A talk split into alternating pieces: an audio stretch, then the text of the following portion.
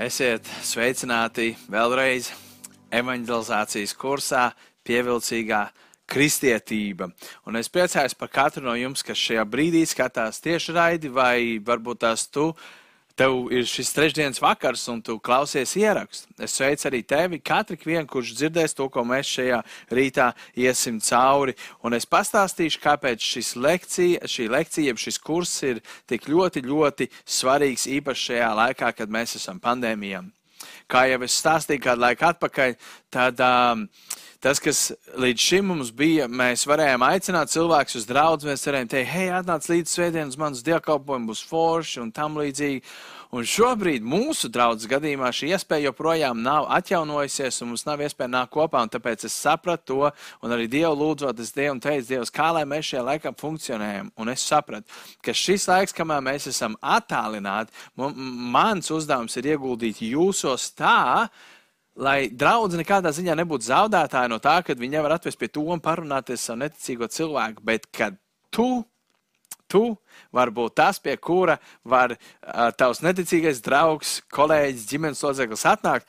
Un tu viņam esi spējīgs palīdzēt atbildēt uz šiem jautājumiem. Tu neesi kautrīgs, tu esi drosmīgs, tu esi pārliecināts. Un tas ir tas, ko es gribu šajā laikā visu draugu ieteikt, tā, tā ja var teikt, tādā zināšanās, un spēkā un drosmē, lai tu zinātu, ka tu vari būt lie, um, rīks Dieva rokās, kur Dievs var lietot, lai vest tevi, um, darīt tevi par rīku. Jo Efeziešu vēstulē 4. nodaļā ir rakstīts, ka mācītāji, jeb draugs, jeb gānu, jeb skolotāji, jeb apstuļu uzdevums ir kāds? Uh, apmācīt, stiprināt, iedrošināt draugu, lai draudzene pieaugtu un būtu tā, kas iet un dara un veic šīs kalpošanas. Tāpēc šajās nākošajās sešās nedēļās es centīšos jūs iedrošināt, jūs stiprināt, jums iedot visus rīkus, lai tu būtu Pievilcīgais kristietis, kurš spēja iet un stāstīt citiem par Jēzu Kristu. Lai tad, kad uznāks pilnīgs lockdown un pat draudz nevarēs notikt, vai tas turpināsies vēl pusgadu vai gadu, vai šitā ten turp šurp tas mainīsies nākšos desmit gadus, es nezinu. Lai nebūtu tā, ka tad, kad draudz aiztais ciet, mēs visi sakam, ak, vai ko nu? Lai jūs būtu sagatavoti un gatavi. Tāpēc man ir prieks, ka tu šorīt esi šeit, jo manā, man ir absolūta pārliecība, ka nav nekas labāks kā tad, ja tu kļūsi par pievilcīgu kristieti. Un tas ir tas, par ko mēs domāsim nākošās sešas nedēļas. Jo, ja mēs skatāmies uz garīgo apjukumu, kas valda cilvēkos, darbā, tev līdzās, tev ir tuvinieku, tuvinieku vidū, Mēs redzam, ka šie apstākļi īpaši nospiež cilvēkus. Ir apjukums ja visās sfērās, cilvēki ir nospiesti, viņi nezina, kā rīkoties, un tas, kas notiek šajā brīdī pasaulē, ir skārs absolūti visu pasauli. Tāpēc pirmais jautājums, un uz ekrāniem būs šis jautājums uzrakstīts. Kas, jeb kāpēc kļūt par pievilcīgo kristieti? Kāpēc? Kāpēc kļūt par pievilcīgu kristieti? Kāpēc man par tādu būt? Kāpēc es nevaru palikt tāds, kāds es esmu? Kas vainas man ir? Un es gribu, lai mūsu draugi būtu tādi kā lipīgi, ja tā var teikt. Tas varbūt nav labākais vārds, bet pievilcīgi, ietekmējoši kristieši, kas um, ir, ir, ir, kuri, kuri nebaidās dalīties ar savu ticību, kur nebaidās nodot savu ticību tālāk citiem, kuri ir drosmīgi Dieva vārdu sludinātājiem, kur stāsta cilvēkiem par Jēzu tik daudz, cik vien cilvēkiem iespējams. Un šajā brīdī, pirms mēs ejam dziļāk kursā, es vēlos, ka mēs varam kopīgi pielūgt Dievu, lai Dievs atver mūsu ausis un sirdis dzirdēt, ko gars saka draudzēm. Debes Tēvs, mēs vispirms vēlamies Tev pateikties, ka caur Jēzu Kristu mūsu grēki ir piedoti. Ka mēs esam taisnoti, ka mēs esam um, atpestīti, ka mums ir piedots, un mēs varam būt tavi bērni, un mēs varam zināt, ka mēs zinām, ka mēs dodamies uz debesīm, jo tu esi kungu kungs un ķēniņu ķēniņš. Un tēvs, mēs vēlamies būt instrumenti, jeb rīki tavās rokās, kur tu mūs lieto savai valstībai. Ka mēs varam būt šie pievilcīgie kristieši, kur iet un dara citus par tādiem. Lai mēs nebūtu pasīvie, lai mēs būtu aktīvie. Lai mēs kļūtu par šiem kristiešiem, kādus tu mūs esi radījis, jeb kādus tu gribi, lai mēs būtu. Un tāpēc es lūdzu, ka tu šajā rītā lieto arī mani, kad es varu aiznest šo vēsti līdz cilvēkiem un paņemt projām šos nepareizos priekšstats, nepareizos stereotipus uh, un iedot viņiem visu vajadzīgo, lai katrs ik viens, kas šajā rītā klausās, var tikt stiprināts, iedrošināts un uh, gatavs iet un būt par tavu pievilcīgo kristietu. Lūdzam Jēzus Kristus vārdā. Amen. Ikdienā runājoties ar cilvēkiem, uh, es, es, es nonāku pie jautājuma, kas ir Jēzus. Un ir bijis tāda, tāda šokējoši nepatīkama atziņa, ka patiesībā daudziem cilvēkiem nav ne mazākās jausmas, kāds sakars ir Jēzum Kristum. Viņi zina, kas ir Dievs, viņi zina, kas ir Marija, viņi zina, kas ir baznīca, bet Jēzus Kāpēc Jēzus, kas viņš tāds ir? Un es šajā nedēļā, protams, uh, es paskatījos kāds video, un es domājis, varbūt būtu forši uztaisīt, bet, zin kā, tāds laiks un tam līdzīgi. Bet, un plus mēs vēl bijām slīmi. Man patīk, ka skatījos kādu video, kur Amerikā gāja cilvēkiem uz ielām klāt, un viņi stāsta, hei, kas ir Jēzus? Un bija ārkārtīgi smieklīgi dzirdēt, ko viņi saka. Kāds saka, Tas bija tas čeks ar tām zandalēm un to metālu galvaru. Ah, jā, jā, jā, tas ir tas vēsturiskā persona. Cits saka, o, viņš bija labs skolotājs, o, viņš bija labs tāds, o, viņš bija tāds. Ah, tas man liekas, ir kaut kāds jūda, kas viņš bija jūtas, jā, jā, jā, jā, kaut kāds reliģiozais vadītājs. Viņš tur bija. Kāds cits saka, o, jā, viņš bija tur dieva dēls. Kāds cits saka, viņš, ah, man nav jāatcerās, kas viņš tāds bija. Dzīvoja tāds.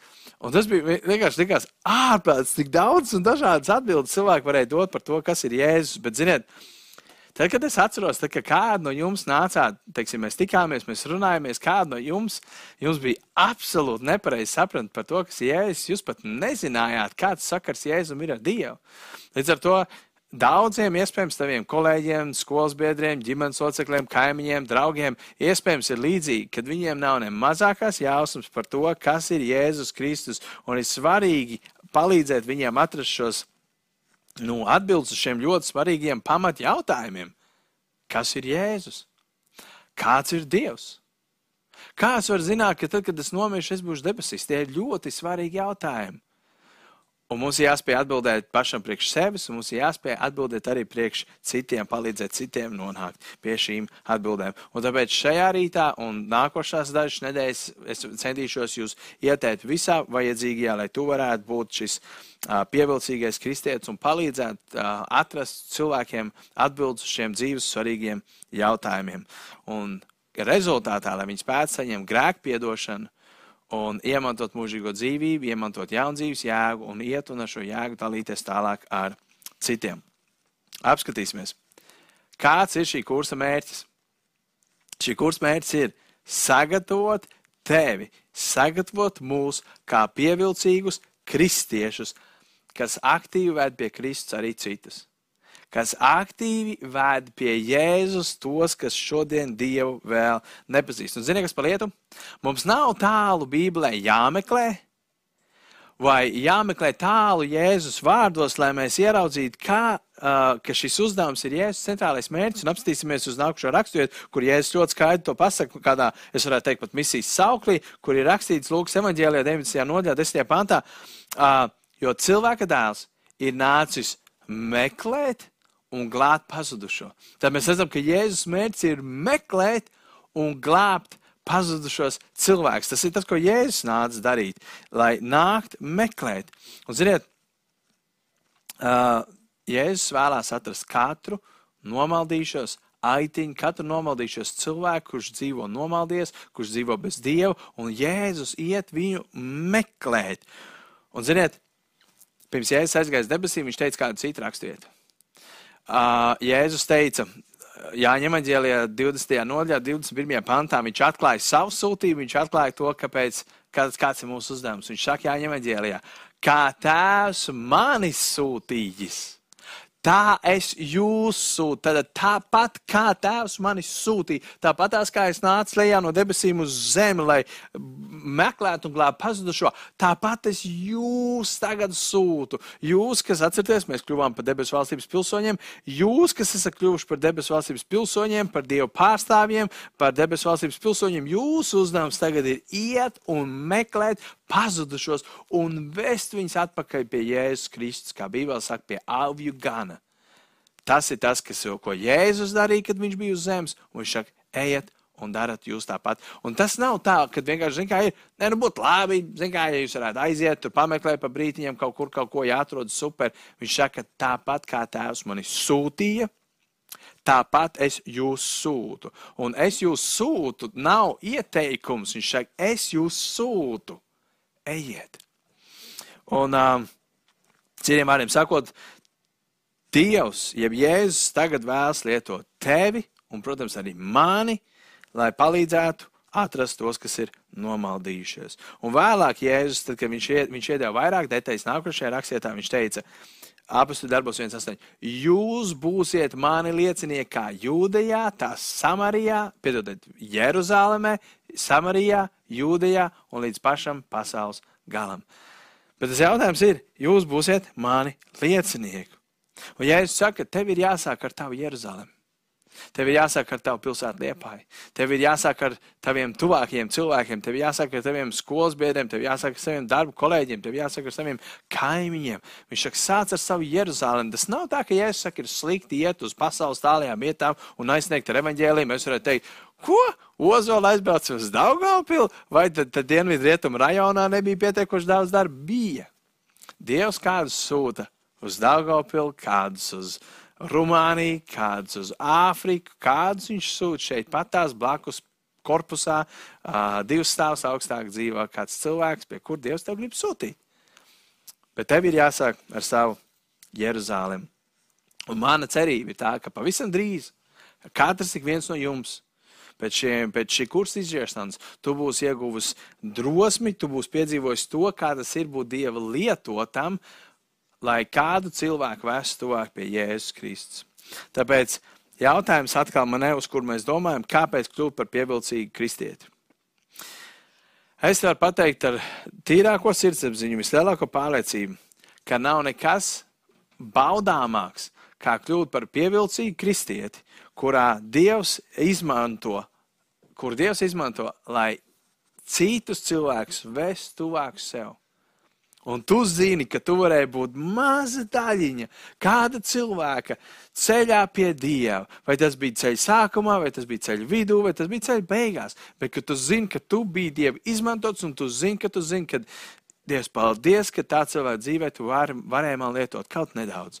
Tā ir vislabākā sajūta. Un tāpēc mēs, un protams, ka tu viņus varēsi ietekmēt šajā zemes dzīvē un arī mūžībā. Ka tas nav tikai, zini, tu viņam iedevi kaut ko, un viņam ir uz nākošiem trīs mēnešiem labi, bet tu viņam iedevi kaut ko, kas ļaus viņam baudīt mūžīgā dzīvību debesu valstībā. Un tas ir kaut kas liels. Mēs tagad apskatīsimies uz um, trīs ieguvumiem, trīs sfērās. Uh, jeb, tad, kad mēs palīdzam cilvēkiem iegūt pestīšanu, grēku piedošanu, iet attiecībās ar Jēzu, kādi ir trīs ieguvumi? Mēs redzam uz ekrāna. Ieguvums mums, iegūms citiem un iegūms dievam. Kāds iegūms ir man no tā, kad es eju un stāstu citiem par Jēzus Kristu? Kāds iegūms ir tām, kurām es stāstu par Jēzus Kristu? Un kāds iegūms ir dievam? Ja tā var teikt, tad, kad mēs ejam un stāstām, un citi nāk pie ticības. Un izdevums materiālus jūs apskatīsieties, ja jūs esat izdrukājuši, vai jums ir ekrāna priekšā. Izdevums materiālus jūs redzēsiet to, ka jums ir iedot vesela vieta, kur jūs varat pierakstīt savas domas, kā tu domā, kas ir tas, ko katra no šīm uh, uh, sfērām iegūst. Es, citi un Dievs. Un apskatīsimies šajā brīdī, kas varētu būt tās potenciālās lietas, ko varētu iegūt kāds. Es, ko es, ko mēs, ko tu iegūsi no tā, ka tu stāst kādam par Jēzu Kristu. Kāds ir tas iegūms? Pirmkārt, man šķiet, tas ir prieks būt Dieva lietotam ka tu zini, ka Dievs tev varēja lietot. Dievs, paldies tev! Es esmu redzējis to prieku, un kādos no jums, ka jūs sakat, wow, viņš nāca pie ticības, un jūs zinat, ka jūs esat lūguši, jūs par viņu esat cīnījušies. Kas tas ir par prieku? Nākošais, kad uh, tava ticība tādā veidā pieaug, ka tu apzinājies, Dievs mani lietoja, un tava ticība pieaug, kad tu saki, Dievs, es gribu būt vēl vairāk tevis lietots, ka Dievs darbojas caur mani. Un, protams, viena no tādām milzīgi svarīgām lietām, tad, kad tu stāst kādam par jēzu, viņš tev paprasīs jautājumus, kur tev nebūs atbildes. Un zini, ko tu darīsi? Tu teiksi, pagaidi, es noskaidrošu, un es tev atbildēšu. Un tu ej mājās, tu prasi mācītājiem, tu lasi Bībeli, tu studē, tu meklē atbildes, tu atrod šīs atbildes. Un tu ej viņam padalies. Bet tu esi ieguvējis, jo tu esi ieguvis atbildes, kā ļoti grūti atbildām jautājumus, kur tu nevari atbildēt. Kāds ir ieguvums citiem? Uh, viņi ir ieguvuši grēku piedošanu, viņi ir ieguvuši mūžīgo dzīvību. Uh, grēka smagums, vainas apziņa ir paņemta no viņiem, un viņiem tagad ir piedots. Un, protams, viņi ir ieguvuši jaunu dzīvi, jaunu jēgu. Viņi vairs nedzīvo sev, viņi dzīvo citiem. Viņi vairs nedzīvo sev, bet viņi dzīvo Jēzum Kristum. Viņi vairs nemirst sev, bet viņi dzīvo, uh, mirst Jēzum Kristum. Viņi ir ieguvuši jaunu dzīves jēgu, un šī jēga ir tā, ko mēs mācāmies. Iet un stāstīt citiem par Jēzu Kristu. Un tad pēdējais, kas ir tas, ko Dievs no tā iegūs? Kāds Dievam no tā ir labums? Atcerieties stāstu par uh, pazudušo dēlu. Tad, kad šis pazudušais dēls nāca mājās, mēs lasām, tēvs bija priecīgs, viņš skrēja viņam pretī, apkampa skūpstī. Tēvs bija sajūsmā, jo pazudušais dēls atgriežas atpakaļ, un viņš ir priecīgs par to. Nākošais, ko mēs redzam, ja es teicu Lūks evanģēlijā, ka liels prieks ir Dieva eņģeļiem par katru, kurš atgriežas. Milzīgs prieks par katru, kurš atgriežas. Katru, kurš nāk pie Jēzus, ir milzīgs prieks uh, debesu valstībā. Es nezinu, kā tā ballīte izpaužās, vai tur ir milzīgs gavils un ovācijas, uh, bet tas ir tas, ko Bībele māca. Un, protams, Dievs tiek pagodināts. Dievs tiek pagodināts ar to, ka tu paklausīji, un ar to, ka daudz vairāk cilvēku nāk pie viņa un debesu valstība ir plašumā, debesu valstība izplatās. Tie ir trīs iegūmi, ko tu iegūsti, ko citi iegūst un ko Dievs iegūst. Un, tad, un kāpēc tas ir svarīgi? Tad, kad es apzinos, tad, kad tu apzinājies, kāds iegūms ir tev, citiem un Dievam, tad tam vajadzētu tev motivēt. Hei, es gribu būt Dieva lietots. Es gribu, ka citi var nākt pie Kristus. Es gribu, ka debesu valstībā ir gavils. Es gribu, ka Dievs priecājas un ka Dievam ir vairāk cilvēku, pie kuriem viņš var skriet kā pie pazudušiem dēliem. Es gribu to piedzīvot, un tāpēc es iešu un stāstīšu citiem par Jēzu Kristu. Tam būtu jābūt tai motivācijai, kāpēc mēs ejam un kādam stāstam par Jēzu Kristu. Nākošais, uz ko mēs skatīsimies, ko es gribu paskatīties šajā pirmajā nodarbībā, ir kādi pieņēmumi un priekšstati, kādi stereotipi, kurus ir ļoti svarīgi paņemt projām Un, uh, un ir ļoti svarīgi saprast, kas ir tās lietas, kas tevi attur uh, dalīties ar savu ticību. Iespējams, viena no lielākajām barjerām ir bailes, ka, uh, ka tu kļūsi par kaut ko, kas tu patiesībā neesi. Kad, piemēram, tu paskaties uz kādu ielas evaņģēlistu, tad liekas, ak, šausmas, ja man būs jāiet uz ielu, jāpakāpjas uz kaut kādu kartupeli, kas jāpaņem rupors, un tagad jāsaka, atgriezieties no grēkiem. Zini, kā, nu, tad es labāk izraugu bedru un pats sev apglabājumu. Ne? Es neesmu gatavs to darīt. Un, un, un tāpēc man liekas, es nevaru būt es. Tas neesmu es, tas nav mans, man tas nepatīk. Un tāpēc ir ļoti svarīgi, ka mēs paņemam no šīs bailes. Tie pieņēmumi ir jāpaņem prom. Un viens no šādiem pieņēmumiem ir saistībā ar vārdu evanģelizācija.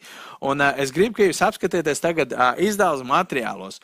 Uh, izdevuma materiālos apskatieties, uh, jums arī ir atrodama tabulā vieta, un es gribu, lai jūs padomājat par šo jautājumu. Um, Kas nāk tavā prātā, tad, kad tu izdzirdi vārdu evanģelizācija, vai tad, kad tu izdzirdi vārdu evanģēlists? Kas nāk tavā prātā? E, es zinu, ka katram no jums ir dažādas lietas, un es šajā brīdī gribu um, nedaudz, ka jūs, um, ka jūs paskatāties uz šiem. Um, tā, Tā, tā, tā, paskatīsimies. Jā. Ka mēs paskatāmies uz, šie, uz, uz, uz, uz tām lietām, kas tev nāk prātā. Un es gribu, ka tu esi godīgs. Lai tu esi godīgs pret sevi, kas ir tās pirmās lietas, kas tev nāk prātā. Un, ja tev būs vajadzīgs padomā par šīm lietām, piespēj pauzi, pēc tam tu varēsi atkal turpināt skatīties. Bet es gribu kopā ar jums iziet cauri kādām lietām. Un pirmās no tās būtu negatīvās. Teiksim, tad, kad cilvēks dzird vārdu evaņģēlists, vai tu gribētu iet evaņģelizēt ar mani? Kas tev nāk prātā tā pirmā negatīvā lieta? Un bieži vien cilvēkiem nāk prātā, ne, ka viņš ir, oi, tas cilvēks, viņš ir uzbāzīgs. Es, es, es, es, ne, es nevarētu, tas ir uzbāzīgs. Vai, vai bieži vien, kad mēs domājam par tiem TV evaņģēlistiem, ne, viņiem ir šī milzīgā naudas kāra. Daudz jau viņiem ir naudas kāra, viņiem nekas cits neinteresē. Man ne, viņi tikai grib naudu. Tad mēs teiktu, oi, viņi ir ļoti um, manipulatīvi. Ja? Manipulatīvi. Man, ne, viņi manipulē, viņi māca apstrādāt, viņi māca ieskaidrot, es tā nevaru. Un tad, protams, tad, kad mēs izdziedam, izdziedam vārdu ielas. Evangelizācija mums paliek jau slikta pēda. Ja mēs domājam, ka mums būs jāiet laukā, mēs saprotam, nē, nē, nē, nē to es negribu. Un mēs apskatāmies šīm negatīvām lietām, mēs ieraugām, šausmas. Bet ziniet, kas vēl ir milzīga problēma, arī tās pozitīvās lietas. Tad, kad tu izdzirdi vārdu evanģelizācija vai evanģēlists, kas ir tās pozitīvās lietas, kas tev nāk prātā, un, un, un, un, un padomā par savām lietām, vajadzīgs piespiedu paudu un padomā, bet mēs arī apskatīsimies.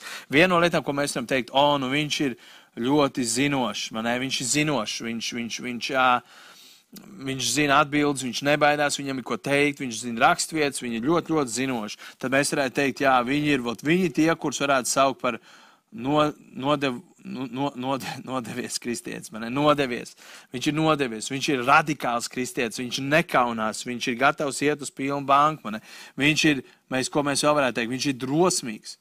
Viņi, kā viņi spēja, viņi vienkārši ir klāts. Šķiet, ka viņiem vispār nav bailes, viņi ir drosmīgi. Tad mēs varētu teikt tā, viņiem rūp uh, citi cilvēki, man, citu cilvēku garīgais stāvoklis. Tad mēs varētu teikt tā, viņi ir paklausīgi, man ir paklausīgi. Uh, paklausīgi Jēzus pavēlei.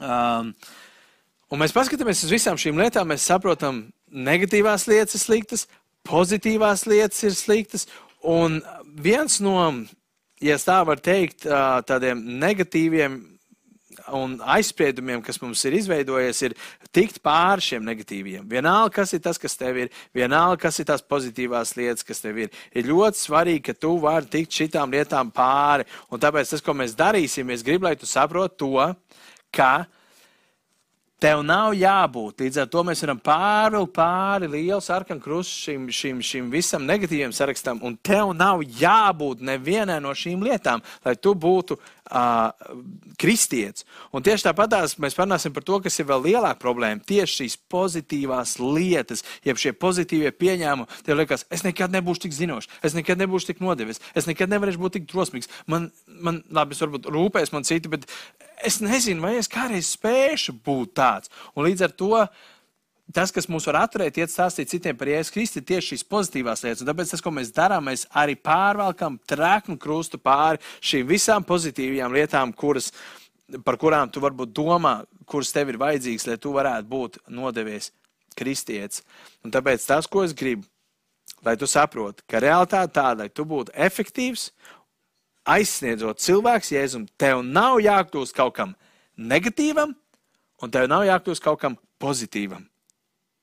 Ziniet, tā vietā, skatieties pa vidu, tev ir jābūt tev pašam. Tu esi tu pats. Esi tu pats. Jūs skatieties, un mēs varam pāriet atpakaļ uz kameru un skatieties, Dievs zināja, ko viņš darīja tad, kad viņš radīja tevi. Dievs zināja. Viņš, tad, kad viņš radīja tevi ar tām īpašībām, tām raksturiezīmēm, ar to, kur tu esi drosmīgs, ar to, kur tu esi bailīgs, viņš tevi radīja īpaši, unikālu, īpašam mērķim. Un tas, ko es gribu, lai tu saproti, to, ka tev ir jābūt tev pašam, lai tu varētu aizsniegt tos cilvēkus, kurus Dievs, kurus Dievs ir nolicis tavā dzīvē. Un tāpēc ir ļoti svarīgi apzināties, ka tev ir jātiek pār šiem negatīviem un pozitīviem stereotipiem, tad, kad tu domā saistībā ar vārdu evangelizāciju vai evaņģēlists. Jo, jo, jo tev ir jāsaprot to, ka Dievs ir tevi radījis unikālu. Un tad, kad tu saproti, ka tev nav jābūt vienam vai otram, ko es gribu, lai tos ap, aptver? Es ļoti ceru, ka tā doma tevi atbrīvoja, un ka tu apzinājies, ka tu vari kļūt tava evaņģēlista versija. Tev nav jābūt tādam kā Toms. Tev nav jābūt tādam, kā tas tur. Tev nav jābūt tam, ko tu redzēji vienu dienu, un tev liekas, o, oh, wow, es arī tā gribēju, bet es nekad tā nevarēju. Tev nav tam jābūt, jo tu neesi viņš. Tu esi tu. Un tāpēc ir ļoti svarīgi, ka tu apzinājies, ka tu esi unikāla versija tev. Un Tev Dievs ir devis unikālu evanģēlista dāvanu, unikālu evanģelizācijas veidu, kurš darbojās priekš tevis vislabākajā veidā. Un tāpēc mēs tālāk apskatīsimies uz pievilcīgās kristietības elementiem.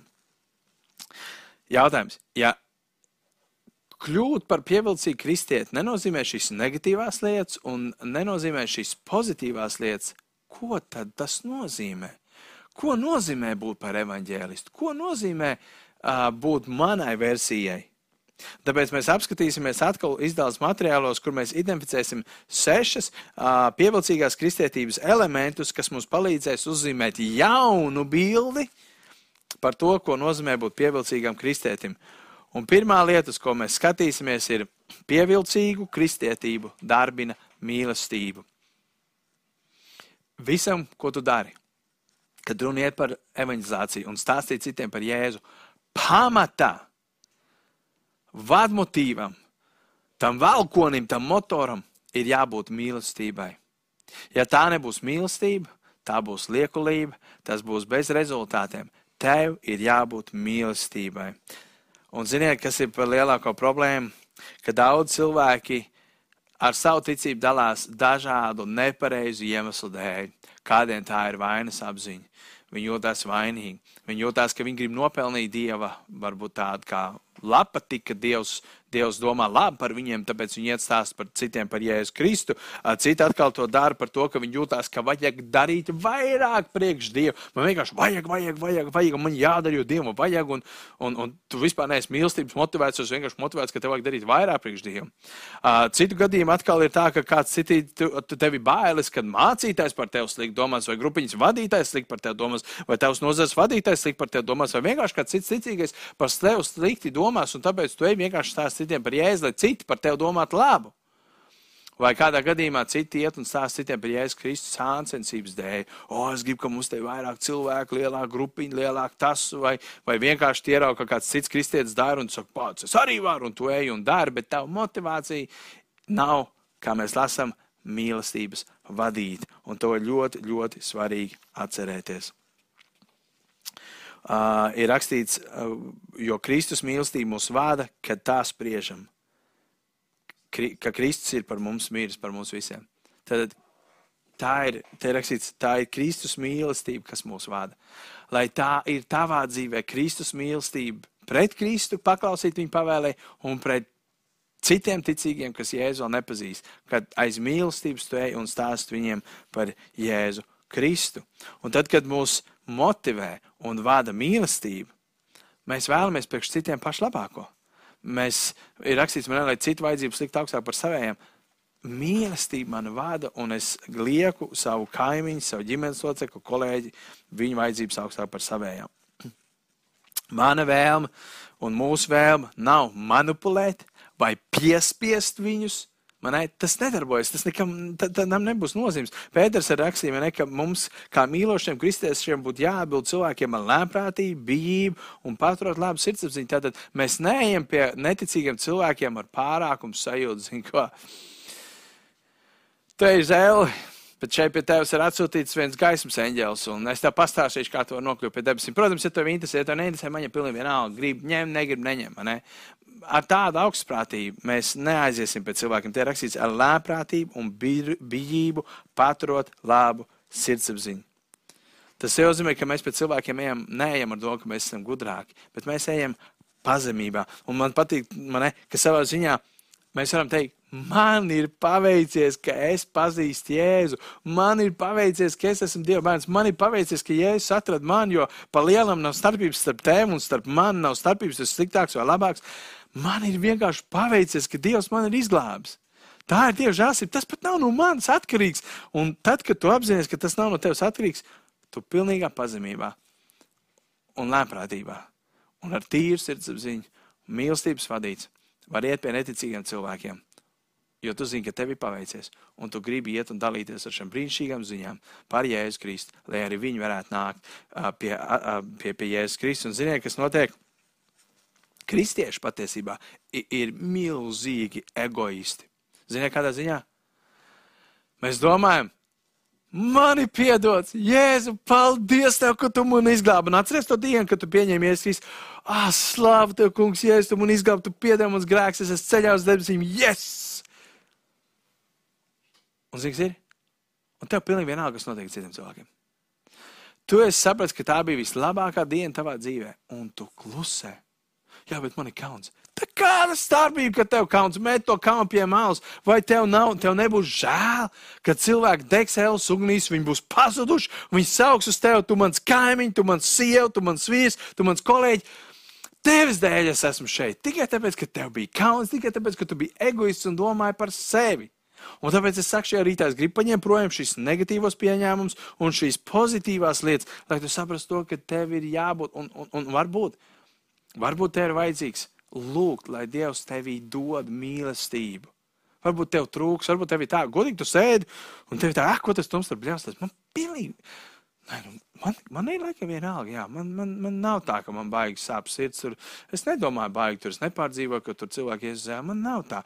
Tad lūdzu, lai Dievs aizdedzina tavu sirdi, lai viņš salauž tavu sirdi, tā kā mēs dziedam tajā dziesmā, lai man sāp par to, par ko tev sāp. Tad lūdzu, lai tev sāp sirds par to, par ko Dievam sāp sirds, par cilvēkiem, kas Dievu nepazīst, lai tavu mīlestību, lai Dieva mīlestība izdījās tevī un tu gribi iet un stāstīt, lai tu neesi tas egoists, kurš tikai, teiksim tā, tavu pakaļ no Elsas ir izglābts un tu vairs par citiem citiem nedomā. Bet lai tu domā arī par citiem, tiem, kuri jau var teikt, viņi jau deg. Līdz ko viņš nomirst, viņš jau ir ēlē, lai mēs iet un raut viņus laukā no šīs. Otrā lieta. Pievilcīgā kristietība iztek no patiesuma. Tā iziet no patiesuma, no autentiskuma, no īstuma, no dzīvīguma. Tev ir jābūt patiesam. Taviem tuvākajiem cilvēkiem, taviem draugiem ir jāspēj redzēt izmaiņas tavā dzīvē. Tas nenozīmē, ka tev ir jābūt perfektam. Es to neteicu, bet viņiem jāredz izmaiņas tavā dzīvē. Tu klupsi, tu kritīs, tu pievilsi.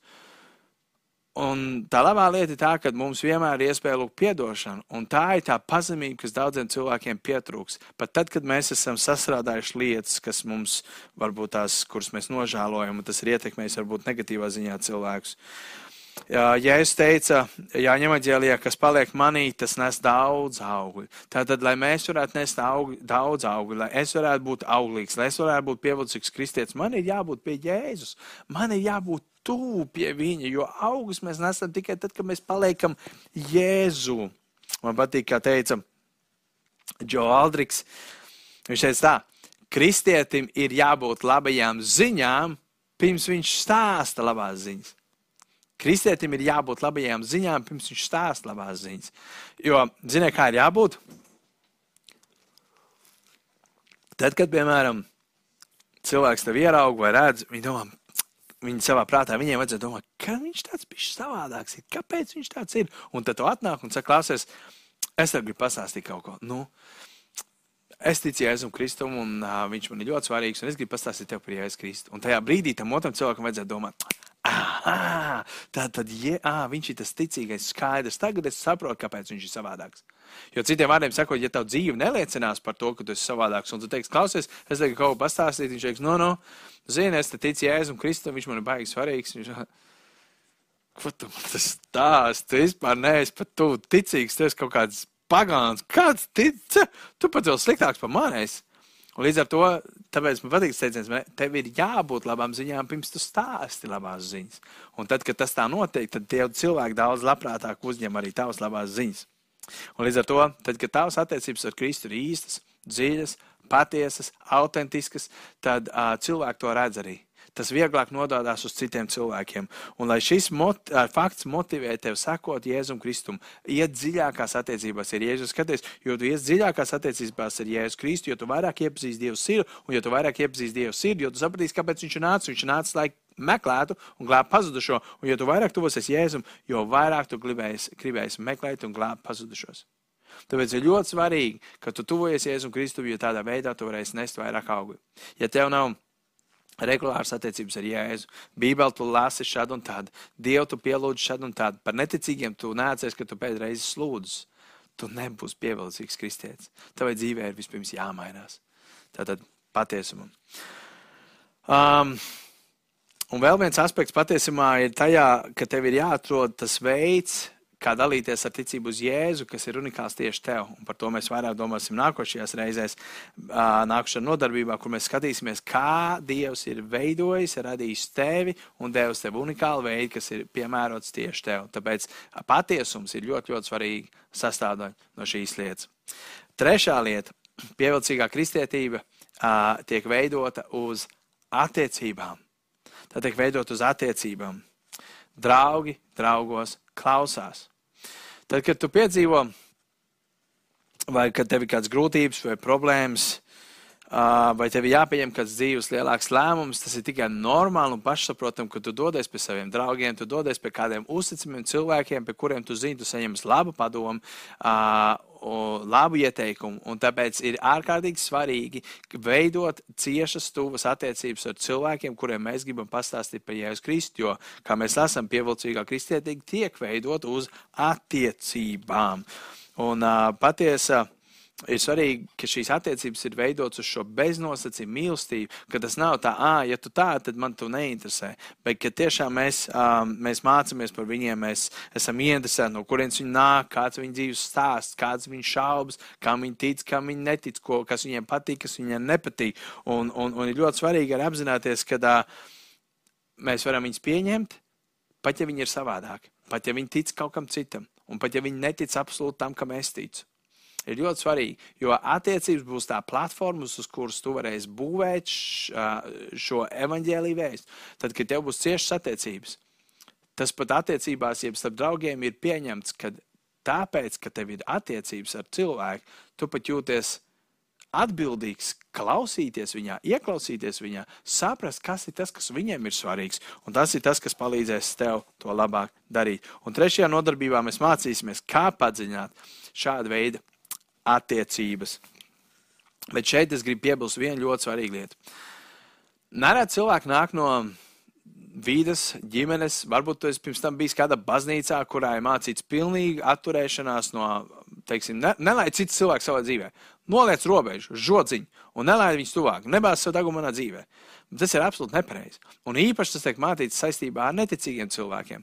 Bet Jēzus, piemēram, mēs redzam pilnīgi pretējo, ka Jēzus gāja un draudzējas ar tiem cilvēkiem, kurus viņš gribēja aizsniegt. Tāpēc ja viņš teica, ka veseliem nevajag ārsts, bet slimiem. Un Jēzus bieži pavadīja laiku ar muļķniekiem un grēciniekiem, par ko viņš tik ļoti nosodīts no reliģioziem vadītājiem.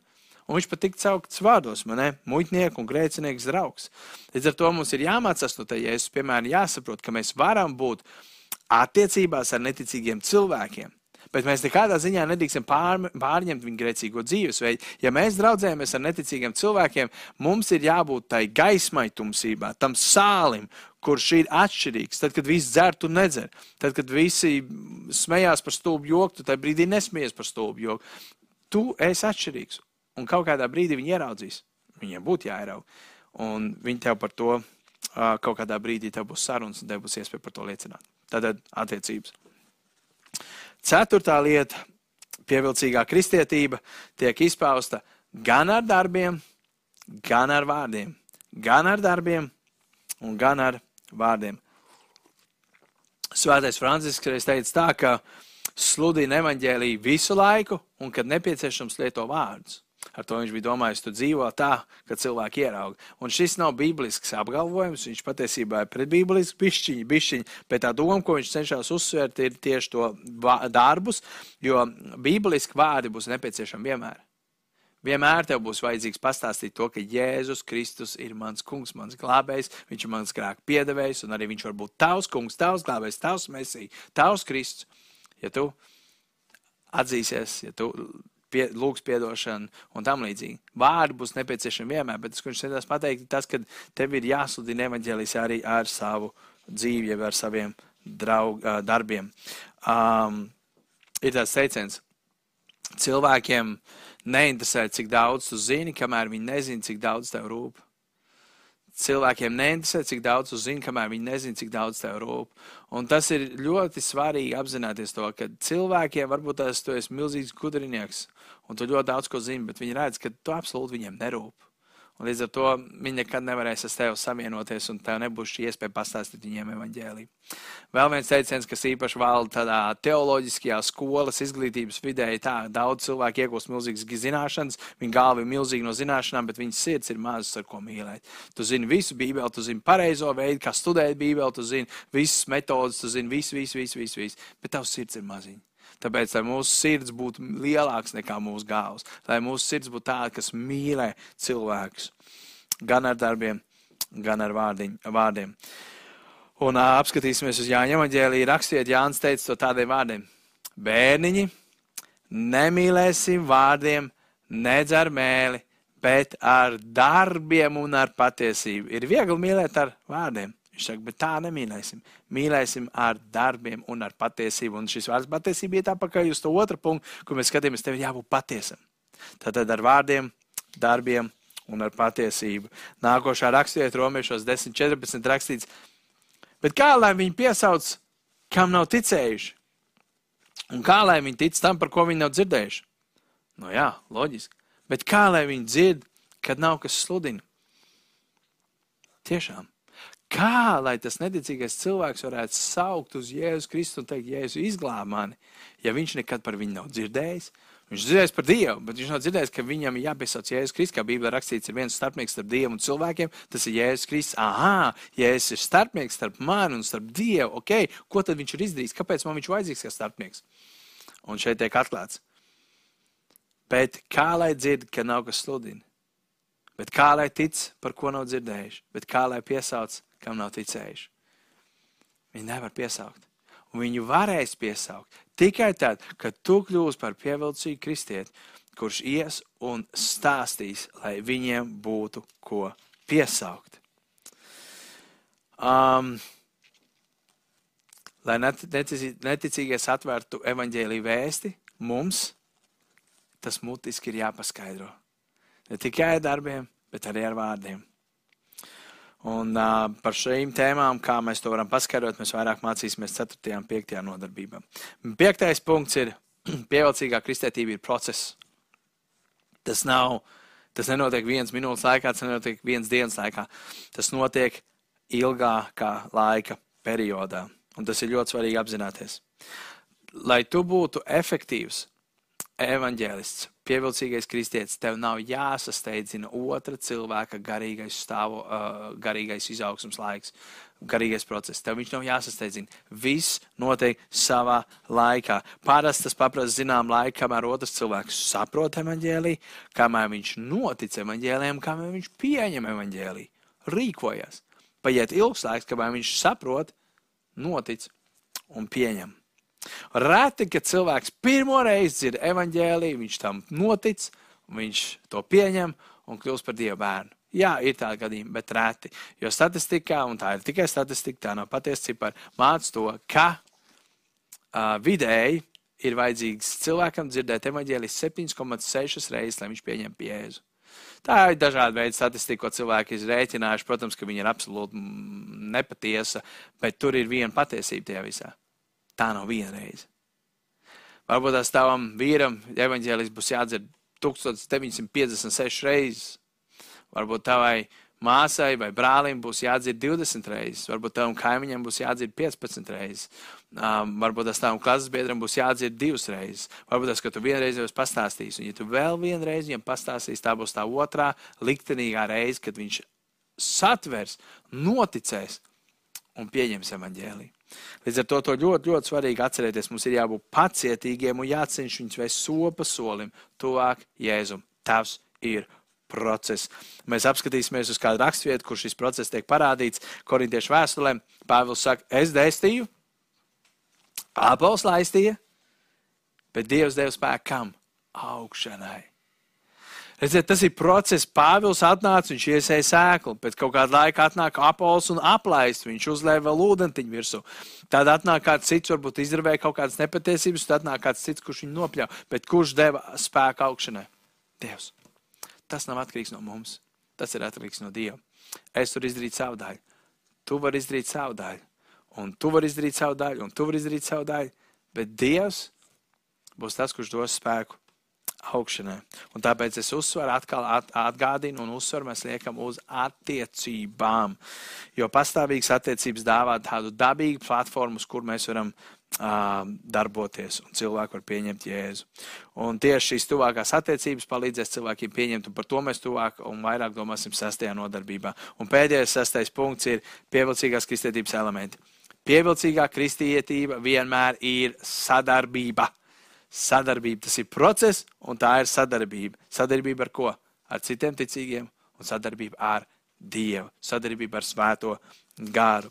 Dievs reti kad lieto tikai vienu kristieti, lai pastāstītu evaņģēlī, aplaistītu, izravētu un nopļautu. Reti, ka viņš lieto vienu. Pārsvarā viens būs šeit, otrs būs šeit, un trešais būs šeit. Bet Dievs lieto vairākus cilvēkus, un, un, un, un lai vestu cilvēku tuvāk sev. Un apskatīsimies atkal uz to pašu raksturvietu, tikai uz iepriekšējo pāntu. Kas tad ir apols? Pāvils saka. Vai kas ir Pāvils? Tikai kalpi, ar kuru palīdzību jūs kļuvāt ticīgi. Ik viens tā, kā tas kungs viņam devis. Mēs jau esam tikai kalpi. Viens tur, otrs tur, trešais tur, bet Dievs sevi to izdevuši. Mēs jau esam tikai kalpi. Ko tad mēs? Un es gribu tagad arī uz ekrāniem būs kāds um, citāts no evaņģēlis sludinātāja Klifa Neštles, kurš teica tādus vārdus. Cilvēka nākšana pie Kristus ir kā ķēdīte ar daudziem posmiem. Pirms cilvēka lēmumu pieņemt Kristu par savu glābēju, ir notikušas daudzas sarunas un daudzas tikšanās. Un tad viņš saka, esmu izjutis gan prieku, reizēm kļūstot par pirmo ķēdes posmu, parasti gan par vidus, vai rētu reizi arī par pēdējo ķēdes posmiņu. Dievs nav man aicinājis būt vienīgi par pašu pēdējo ķēdes posmu. Es jums pateikšu, godīgi, evangelizācija tiešām ir tas, ka tu pirmo reizi pastāsti viņiem par Dievu, kāds pastāst piekto un kāds pastāst pēdējo, viņš atzīstās, viņš nožēl savus grēkus, un tev ir milzīgs prieks un saka, wow, Dievs, tu varēji lietot man, lai ievestu šo dvēseli debesu valstībā. Bet mēs aizmirstam, ka nērēt šeit ir bijuši šie citi ķēdes posmi, kur ja viens no šiem ķēdes posmiem nebūtu, nekad nebūtu pēdējais. Tāpēc nekad nenoliciņ, ja tev liekas, es neesmu piedzīvojis to vai to vai to, Dievs var un grib tevi lietot. Tāpēc ir ļoti, ļoti svarīgi, ka Um, ir ļoti svarīgi apzināties to, ka Dievs uh, var lietot mūs jebkurā ķēdes posmā, kurā Viņš mūs vēlās. Un, ziniet, vai tas nav iedrošinoši apzināties, ka Dievs lieto mani kādu cilvēku dzīvē, lai es būtu varbūt pirmais, vai vidējais, vai pēdējais ķēdes posms? Un ka varbūt tas tev nav no jāsmas šodien, bet, kad nostāsies Dievu priekšā, Viņš teiks, paldies tev! tu to nezināji, bet es gribu pateikt paldies par to, ka tu toreiz viņam pastāstīji, vai tu toreiz pielūdzi par viņu. Tā bija tā lūkšana, kas izmainīja. Es uzklausīju tā lūkšanu, un tāpēc viņš šodien šeit. Un tev būs, wow, paldies tev, Dievs! Paldies tev, Dievs! Um,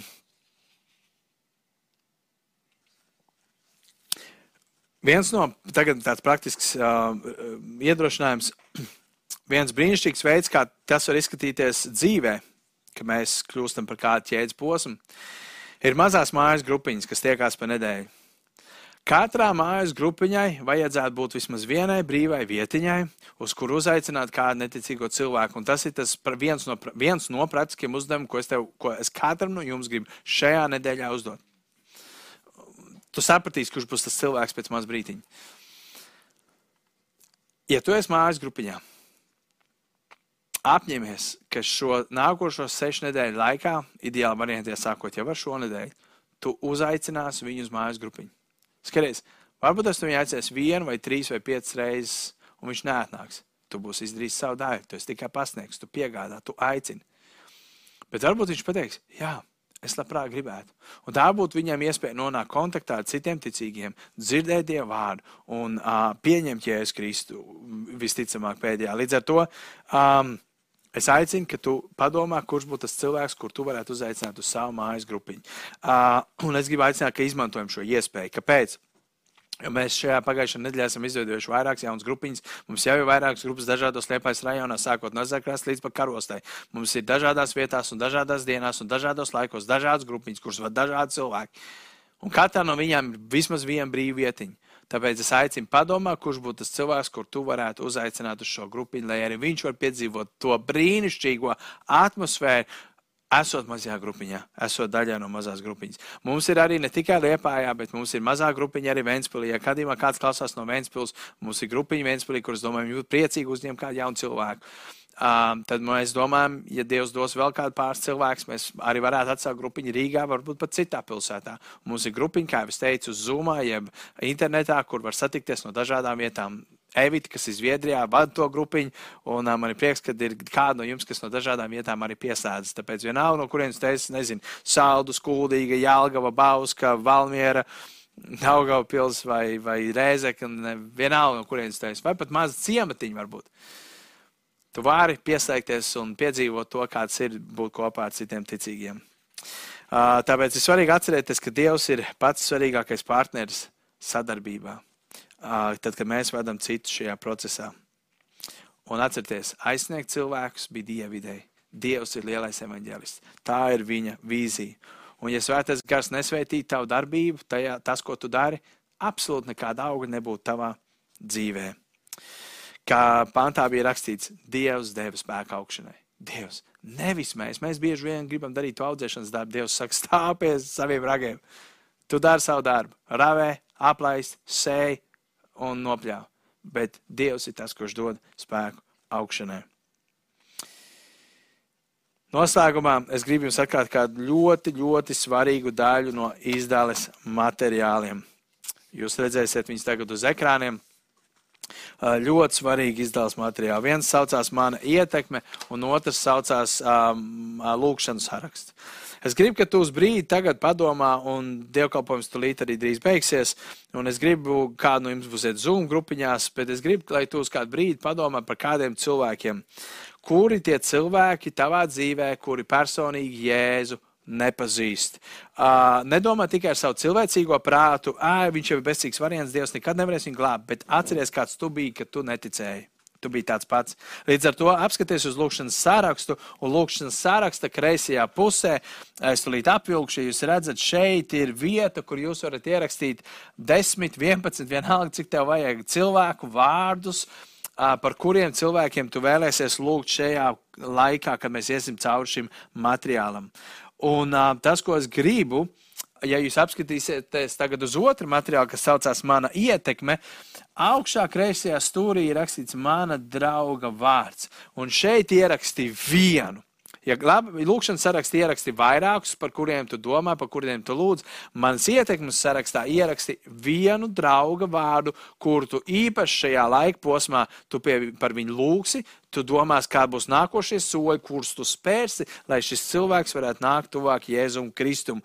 Un, um, uh, Tu, jo tu nekad nevarēsi kļūt par pievilcīgu kristieti, ja tu nelūgs par tiem, kurus Dievs ir ielicis tavā dzīvē, uh, lai Dievs darbotos par viņiem, uh, pie viņu dzīvēm. Uh, un, un lai tu zinātu, kā lūgt, ja jūs apskatīsieties lūkšanas sarakstā, augšā mēs redzam ir par to, kā tu vari lūgt Dievam par savu draugu, man ne, šeit, kā tu vari lūgt pašam par sevi šajā laika posmā, un kā tu vari lūgt par jūsu attiecībām. Šeit tās ir vienkārši dažas idejas, ko tu vari lūgt par viņu, par sevi un par jūsu savstarpējām attiecībām. Un es aicinu, ka tu sāc šos materiālus, šo man ietekmi un man lūkšanas sarakstu lietot jau no šodienas, jo šie būs tie materiāli, katru nedēļu mainīsies izdevums materiāli, bet šie būs tie divi materiāli, šis divas A4 lapiņas, kuras es aicinu, ka tu izdrukā ja, ja tev nav kur izdrukāt, man oficiālā es varu izdrukāt jums, kuriem vajadzēs, ja jūs atnāksiet, es jums izdrukāšu uh, šīs lapiņas un iedošu, ja tev tas ir vajadzīgs. Ideālā variantā ielaminē, ieliec viņas,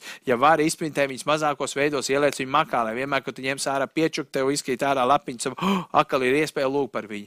Lai šajās nākošajās sešās nedēļās tu lūg par šiem desmit draugiem un par šo vienu draugu, jeb neticīgo īpaši. Un es ceru, ka šajā rītā šīs domas par evanģelizāciju, evanģēlistu un par tām, tām lietām, nepareiziem stereotipiem un tiem elementiem, ka tās varēs būt par svētību jums un nākušā nodarbība sauksies, esi tu pats, lai ietekmētu citus. Nākošais mēs domāsim par to, kā tu vari būt tu pats, lai ietekmētu citus cilvēkus, kur tu atklāsi dažādas evanģelizācijas pieejas un atklās to, kas ir dabīga tieši priekš tevis.